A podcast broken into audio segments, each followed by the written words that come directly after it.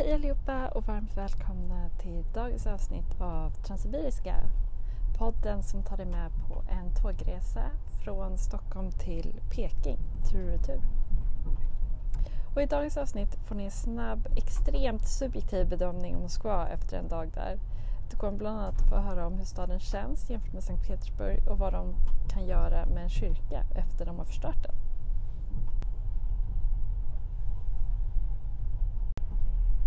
Men först som alltid, eh, jättekul att ni är så många som följer podden och fortsätter att skicka era tankar och frågor och pepp. Jag blir jätteglad eh, och jag ska försöka besvara alla frågor eh, innan den här podden är klar. Och alla ni som är nya, glöm inte att följa podden. Det är det bästa sättet för att ha koll på när nya avsnitt kommer ut eh, så du ser dem i tid. Så ja, kul att ni är så många som eh, vill följa med på den här resan.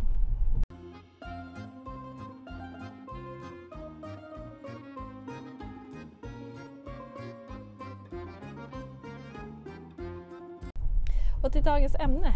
Eh, idag eh, tänkte jag prata om vår resa till Moskva och Moskva som stad. Och eh, som alltid så börjar vi med resan dit i och med att det här är en resepodd. Eh, och från Sankt Petersburg till Moskva så tog vi ett nattåg.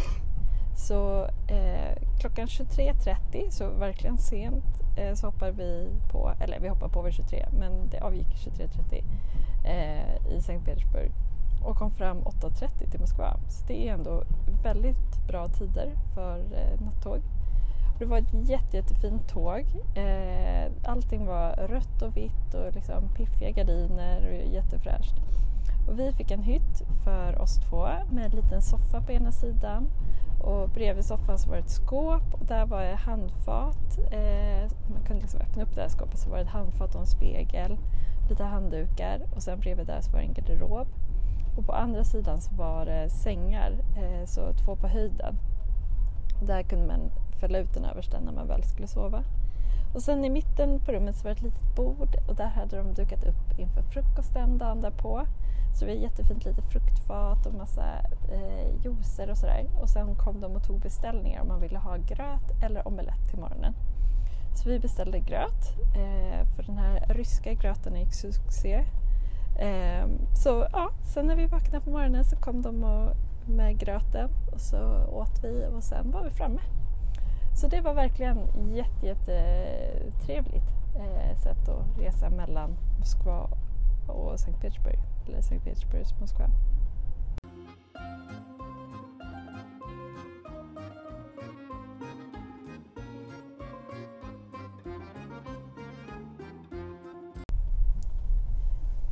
Och nu när ni vet hur vi kom dit så tänkte jag prata lite om Moskva. Men innan, eh, innan jag pratar om Moskva eh, som att det var första gången vi var där så tänkte jag också bara säga att så här, vi, vi har redan varit där. Vi var där för ungefär fem år sedan eh, och hade en fantastisk helg tack vare en kompis som eh, bodde i Moskva då som fixade och hade planerat allting i detalj.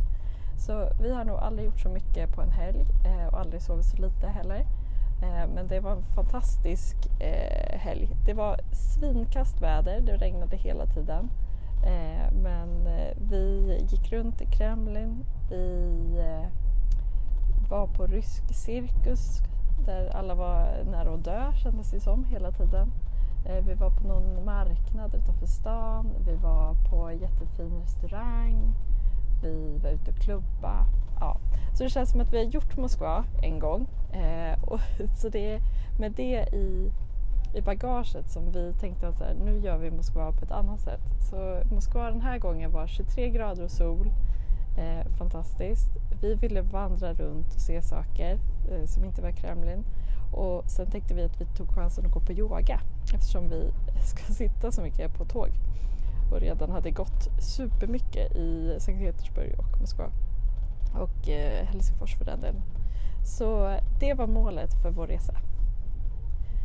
Så dagen började med en kaffe på stan, supermysigt. Eh, vi eh, tog också sen en sån här klassisk guidad tur som eh, ja, en gratis tur men som man betalar sen med dricks. Och den var extremt lång. Alltså normalt sett så brukar man vara så en och en halv timme. Den här var tre timmar så hon körde på järnet. Så jag, jag skulle säga att så här, nu har vi fått lite av en annan fil för Ryssland eh, tack vare henne, eller Moskva kanske tack vare henne. Eh, så att det här, de här spaningarna är väl både från den guidade turen men också sen när jag och Peder gick runt. Eh, och lite allmänt om staden då. Eh, det känns ju väldigt stort. Det är mycket mer uppiffat än Sankt Petersburg. Att, eh, alla de här husen som är fina, de är också målade. Eh, det, ja, det känns som att de spenderar väldigt mycket pengar på att göra det fint. Och det är fortfarande lika många bilar i Moskva skulle jag säga som i Sankt Petersburg. Kanske lite mindre gator så, i och med att det inte är lika mycket avenyer. Men fortfarande mycket bilburet. Och annars liksom känslan av stan eh, det var väl att det inte är lika avslappnat. Jag tror att Sankt Petersburg i och med att det är andra stan känns lite mer artsy och kulturell eh, medan Moskva känns kanske lite mer business eh, och lite mer eh, posh kanske är rätta ordet. Eh, så, utan, ja, det var fortfarande många turister där men det var mer business eh, och mer locals i, liksom, om man skulle jämföra procentuellt. Det känns som det var mer turister jämfört med locals procentuellt i Sankt Petersburg. Alltså, ja, eh, jämfört med Moskva i alla fall. Eh, så ja, mer glassig stad. Eh, om det i Stockholm kanske finns jag menar, ett kvarter med så superfina butiker så var det i Sankt Petersburg kanske fem, eh, fem gator eller fem kvarter och i Moskva så känns det som det var 20 kvarter. Det var liksom extremt stort eh, och väldigt, väldigt fint. Eh, och vi hade hört innan att för ungefär fem år sedan så hade de börjat bygga mer parker och så för att också piffa upp hela Moskva för att göra det trevligare för de som bor där. Och det tyckte jag ändå man såg. Vi gick igenom en park som de hade byggt precis som var verkligen så här jättefin även med skandinaviska mått mätt. Att det var, eh, de hade byggt i olika typer av eh, rysk natur tror jag. Så det fanns eh, steppen, det fanns ja, de olika, olika typerna. Eh, så det var jätte, jättefint. Eh, och man kan väl säga annars så är väl det en generell utmaning både i Sankt Petersburg och Moskva att hitta parker. Alltså det är mest bara stad. Om man ser att det ser ut som en park så kanske det är en lite asfalterad gång i mitten och sen lite blommor på sidorna och så ser det ut att vara en park på en, på en karta. Så det är väl, ja, det bevisar väl bara att det saknas lite parker i centrala stan. Eh, och all historia när vi gick omkring, det var ju om kyrkor och monument eh, som, som även i Sankt Petersburg.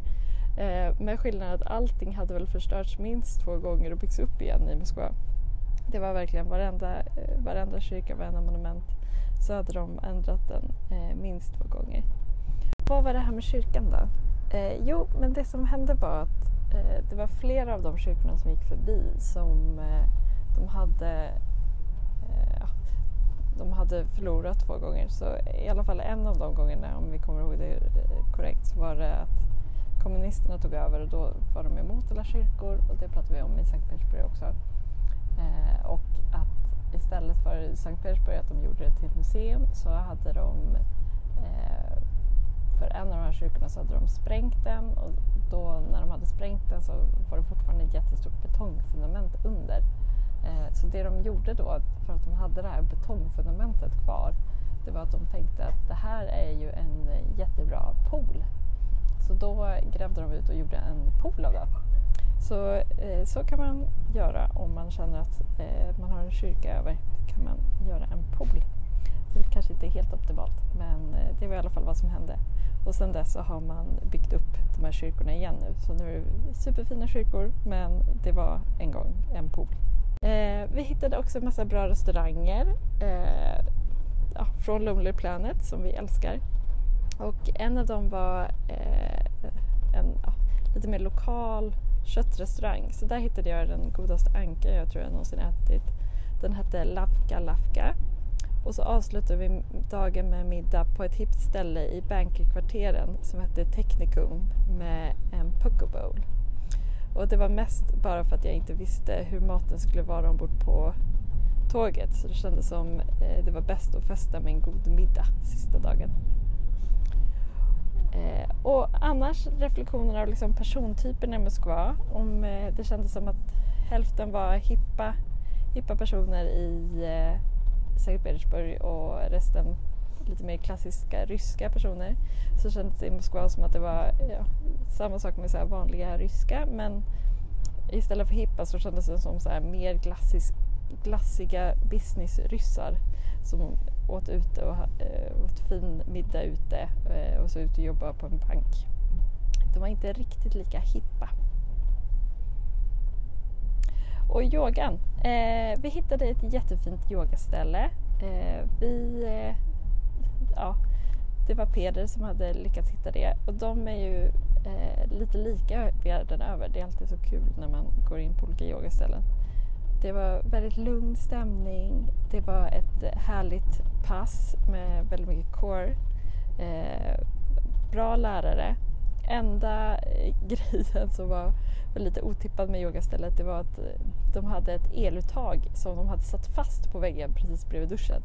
Eh, så det var en duschvägg emellan men så var det ett eluttag som var liksom precis vänd mot duschen. Så det var lite kul. Eh, annars, annars var det ett bra härligt yogaställe i klassisk, eh, ja, på alla klassiska sätt.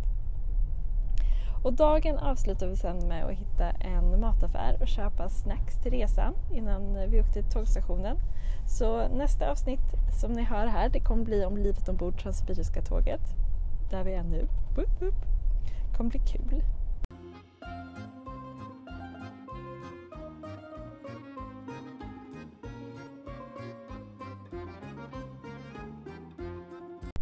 Så sammanfattningsvis Moskva. Eh, ja, och nu får vi väl liksom dra ihop både vår resa innan och den här resan. Jag tycker det är jättekul som happening turiststad om man vill göra sin research innan och Eh, kan göra ett schema med ställen man vill se och köpa biljetter till Kremlin och sådär så att det är lätt. Så turist eh, tycker jag liksom 5 av 5 mest bara för jag vet att det är en fantastisk stad om man bara maxar några dagar. Så boende inte jättesugen på att bo där, mest för att det kändes som en stel stad. Jag vet inte. Jag fick känslan av att folk var lite för business och stiffa. Så eh, ja, det får bli två, två av fem som eh, boende. Eh, men man hade nog hittat allt, men inte så kul.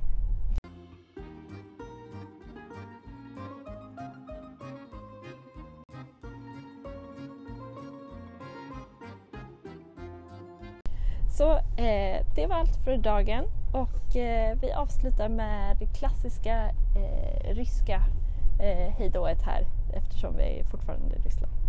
Ha det så bra, hejdå! До свидания!